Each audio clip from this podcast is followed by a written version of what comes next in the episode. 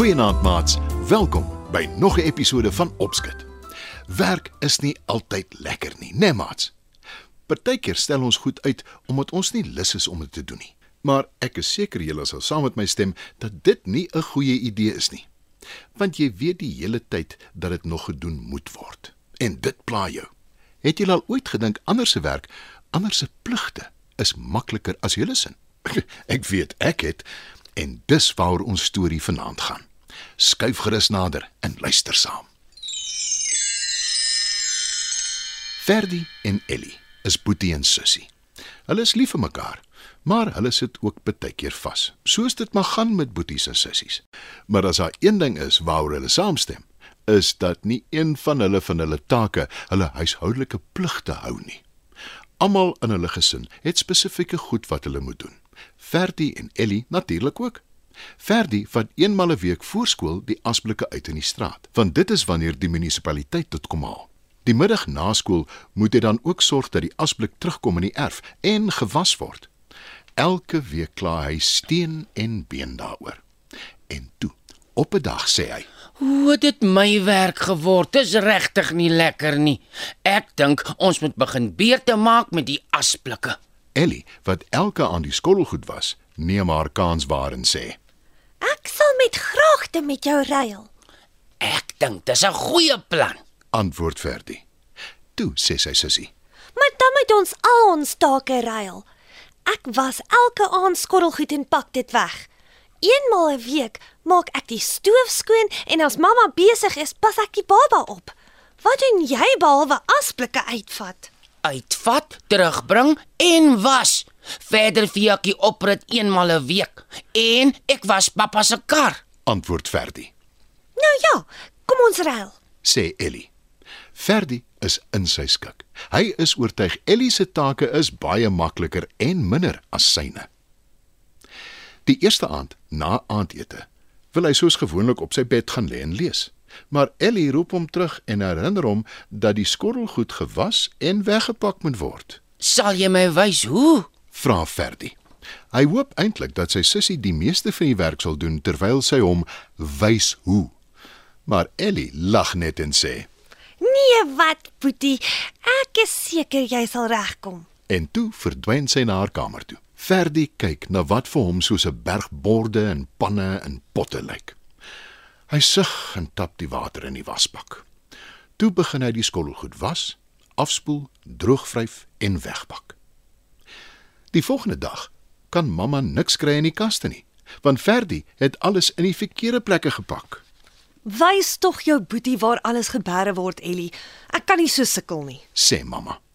Ferdi is maar traag, want dit is Saterdag en hy hoef nie sy pa se kar te was soos gewoonlik nie. Die dag is syne om te maak net wat hy wil. Nadat Ellie Ferdi touwys gemaak het en alles op hulle regte plek is, wil hy net by die deur uitdraf om saam met sy maat langsaan 'n sokkerbal te gaan rondskop. Toe sy ma hom herinner dat sy 'n haar afspraak het en dat hy die baba moet oppas. Sy moed sak in sy skoene.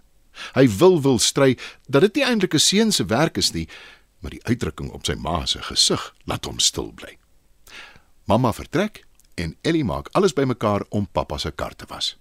Ferdi neem sy kans waar en vra of sy met hom sal ruil. Hy sal die kar was en sy kan na die baba omsien, Nee, Ferdi. sê Ellie. Ons het omgeruil. Alles omgeruil. Onthou jy nie? Net toe begin die baba huil. Ferdi se oë rek groot. Hy het nie die vaagste benul hoe om 'n baba stil te kry nie. Hy kyk pleitend na Ellie, maar sy is klaar by die agterdeur uit met 'n emmer en kar shampoo. Ferdi doen alles wat hy kan om die baba stil te kry. En op die ou einde is al wat werk om hom op te tel en met hom te speel. Hy is naderend poeg hy. En Ellie het klaar pappa se kar gewas. Sy lê nou op haar bed en lees. Ferdi klop aan die deur. Kan ek inkom? Vra hy. Ellie glimlag en sit haar boek neer. Toe vra sy: Geniet jy jou nuwe take? Nee, glad nie. Kan ons terugruil? Antwoord Ferdi. Dis jy seker? Dis nog nie eers asblikdag nie. Terg Ellie. Ek gee nie om nie. Ek hou net mooi niks daarvan om in die huis te werk nie. Van die baba praat ek nie eens nie. Ek wil hom nooit weer oppas nie. Mens moet hom die hele tyd besig hou anders hy lei. Antwoord Ferdi.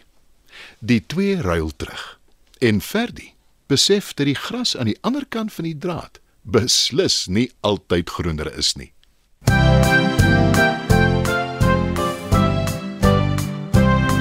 Daar's mense wat ons help. Mense wat jy kan vertrou. Mense wat verstaan.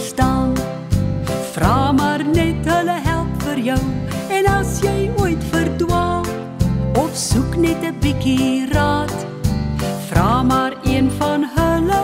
Daar's dalk een in jou straat.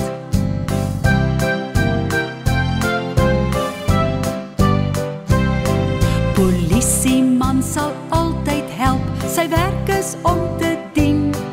Hy praat met kinders in die straat en gee hul goeie raad. Brandweerman is net so gaaf, hulle